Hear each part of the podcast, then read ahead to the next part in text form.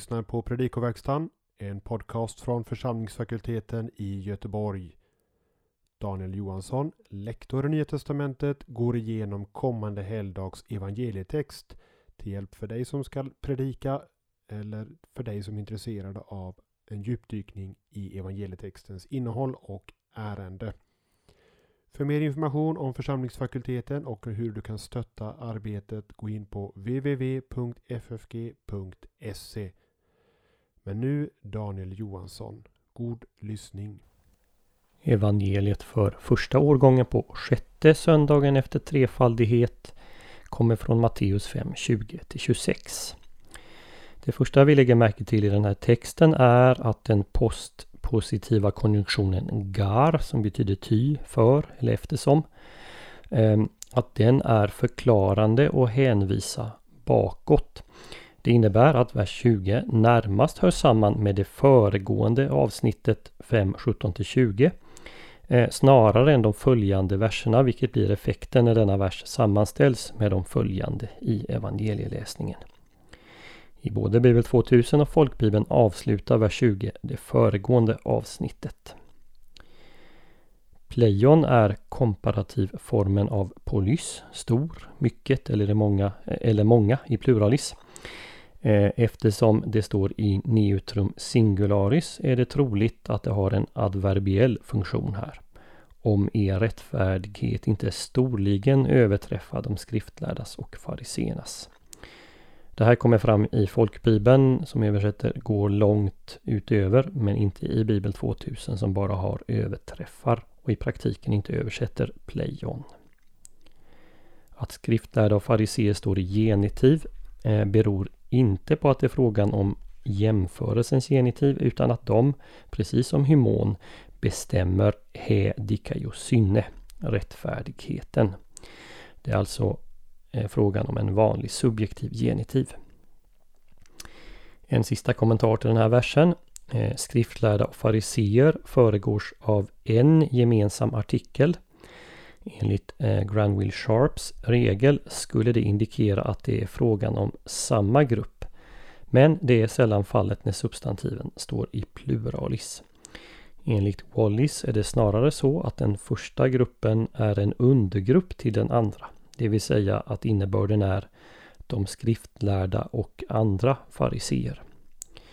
Många skriftlärda var fariseer men en del var ju sadduceer. Vi går till vers 21. Ekosate hotti erethe tois archaiois. E, den här formuleringen introducerar var och en av de sex så kallade antiteserna som nu följer.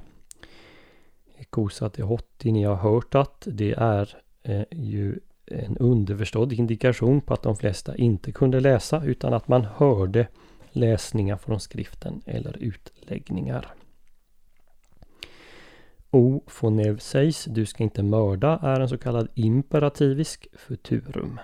Det vill säga förbudet eh, sätts i futurum. Enochos skyldig eh, definieras på följande sätt. Att avkrävas att göra räkenskap för något som hålls emot en. Så går vi till vers 22. Ego delego himin hotti. Med de orden introduceras Jesus kontrasterande uttalanden i de sex antiteserna. Och ego är här emfatiskt. För att få fram det kanske man bör översätta Men jag själv säger er att. To adelfo auto, sin broder, det avser en medlärjunge. Det här uttrycket det går tillbaka till vers 16 i samma kapitel där Jesus kallar Gud för er fader. Då blir de som har Gud till fader bröder eller systrar. Tekrisei avser troligen den lokala domstolen som bestod av 23 medlemmar. Medan Sanedrion avser Stora rådet eller Sanhedrin som består av 70 medlemmar med översteprästen som ordförande. Betydelsen av raka är något omdiskuterad men eftersom begreppet står mellan att bli arg och dåre är det ju definitivt en negativ term. Troligen handlar det om en nedsättande term som uttrycker brist på intelligens. Dumhuvud eller idiot som i folkbibeln 98 respektive 2015 ligger väl nära grundtexten. Bibel 2000 däremot gör en omskrivning. Morä avser en dåre. Jesus har strax innan talet eh, talat om, eller innan här, eh, talat om dåraktigt salt i vers 13. Bibel 2000 gör återigen en omskrivning, den som förbannar istället för din dåre som i folkbibeln. Ten genan to pyros eh, är ordagrant eldens gehenna. Genitiven är beskrivande på semitiskt vis och översätts med fördel som folkbibeln det brinnande Gehenna. Bibel 2000 vänder på genitivkonstruktionen och översätter dessutom Gehenna med helvete. Sju av tolv användningar av Gehenna finns hos Matteus. Sju av de tolv i Nya Testamentet. Ursprungligen avsågs med denna beteckning dalgången söder om Jerusalem omnämnd i bland annat Josua 15.8 och Andra Kungaboken 23.10 där den kallas Hinnons söners dal eller bara Hinnons dal. Vid Jesu tid användes den som soptipp. I andra templets litteratur kom dalgången att associeras med domen. I till exempel de sibyllinska oraklen 1-103-104, andra Baruksboken 59.10 Fjärde Esra 7.36 och Abrahams apokalypsen 15.6. Jag har listat de här ställena i pdfen till podden på vår hemsida. Eh, att man då förknippade den med domen har sannolikt med den ondska som man också förknippade med dalgången och så finns beskriven i Jeremia 7.21-32 Andra Kungaboken 23.10. Och så till vers 23, partikeln on är inferentiell, det vill säga den uttrycker en slutsats som dras av föregående resonemang och bör därför översättas. Därför om du bär fram. Eh, tyvärr hoppar man över den i Bibel 2000. To Thysiasterion avser troligen det stora eller enorma altare. Enligt Josefus judiska krig 5225 var det nästan 7 meter högt och 23 meter brett och djupt och det stod framför själva tempelbyggnaden. I, i, enligt andra källor så var det något mindre men i vilket fall så var det ett enormt altare.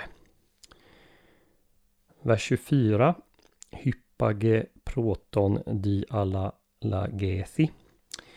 Här kunde man förvänta sig att den första imperativen skulle följas av infinitiv men det är klassiskt eh, idiom i grekiskan att hyppage följs av ett annat imperativ som här dial agethi. Vi får i svenska översättningen stoppa in ett och, gå bort och försona dig. Eh, di al assomai innebär att citat normala relationer eller normal harmoni återställs. Vers 25. Tashi. Eh, det här står i neutrum singularis adjektiv och har i likhet med pleion i vers 20 adverbiell funktion. Snabbt. Här är det folkbibeln 98 som hoppar över adjektivet. Bibel 2000 och folkbibeln 15 översätter skynda dig. Ordagrant står det väl var snabbt välvilligt inställd till din motpart.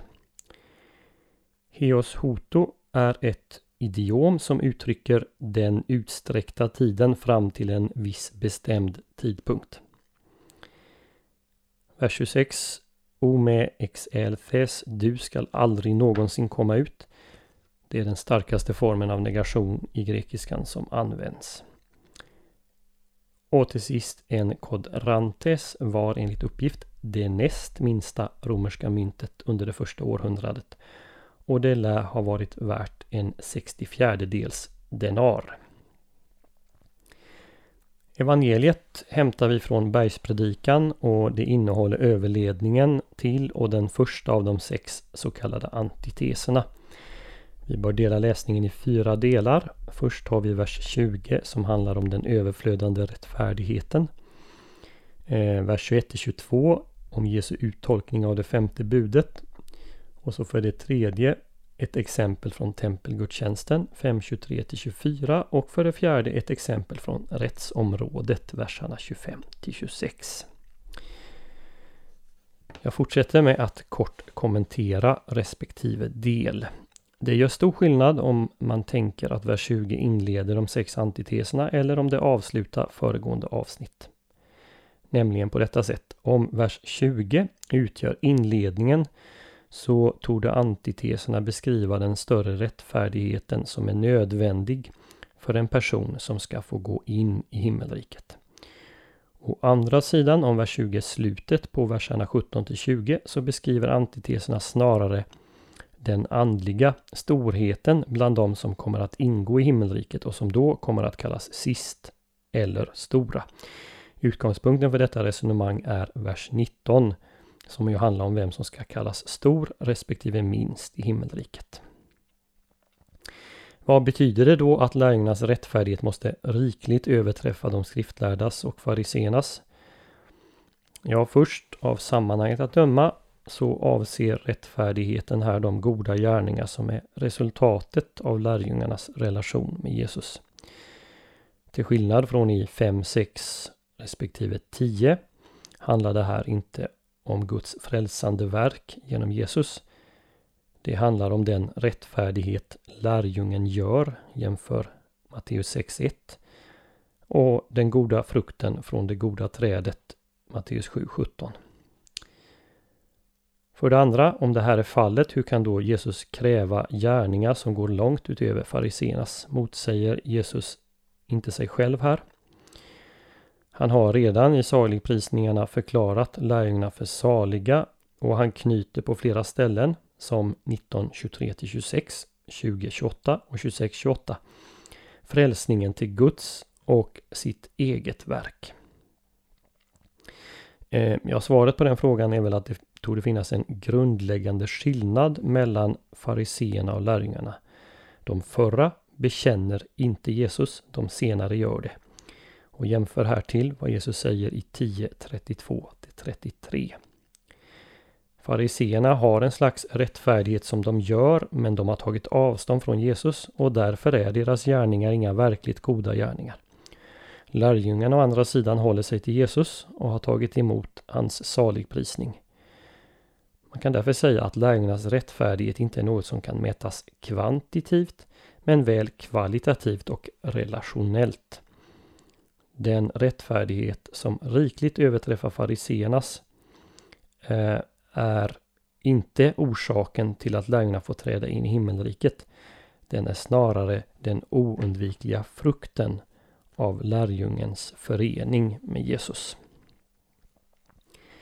Jesus börjar de sex antiteserna med att citera det femte budet.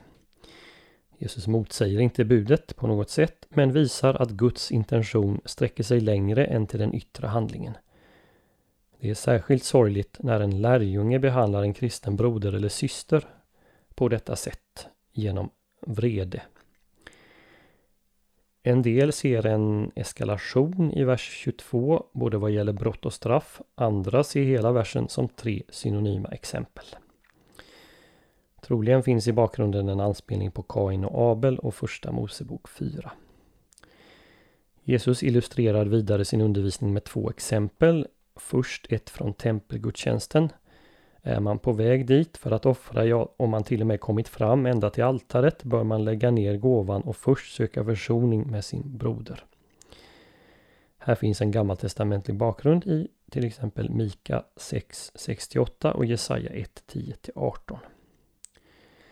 Även om man nu inte kan sätta likhetstecken mellan altaret i Jerusalems tempel och en kristen kyrkas altare kan man ändå se en teologisk koppling mellan vad Jesus här säger och Paulus undervisning om nattvarden i första Kor 10 och 11. Splittring och bitterhet bland nattvardsdeltagarna ådrar sig Guds dom enligt Pauli undervisning. Det andra exemplet hämtar Jesus från rättsområdet. Här bör man upp uppmärksamma att det finns en nära parallell i liknelsen om den obarmhärtige tjänaren i Matteus 18. Poängen är, den, är det likadan på båda ställena. Se till att försona dig med din broder. Till sist. Mord och vrede är enligt Jesu undervisning båda brott mot det femte budet. Men det betyder inte att en förolämpning och ett mord är samma sak i alla avseenden. Ett mord orsakar ju på allt sätt en större skada. Man kan inte heller försvara ett mod med att säga att jag ändå syndar mot budet genom att kalla folk för idioter. Men det finns en linje från hatet till modet vilken formuleras väl av både Jakob i hans brev kapitel 1, vers 14 15 och Johannes i första Johannesbrevet 3, 11 till 12.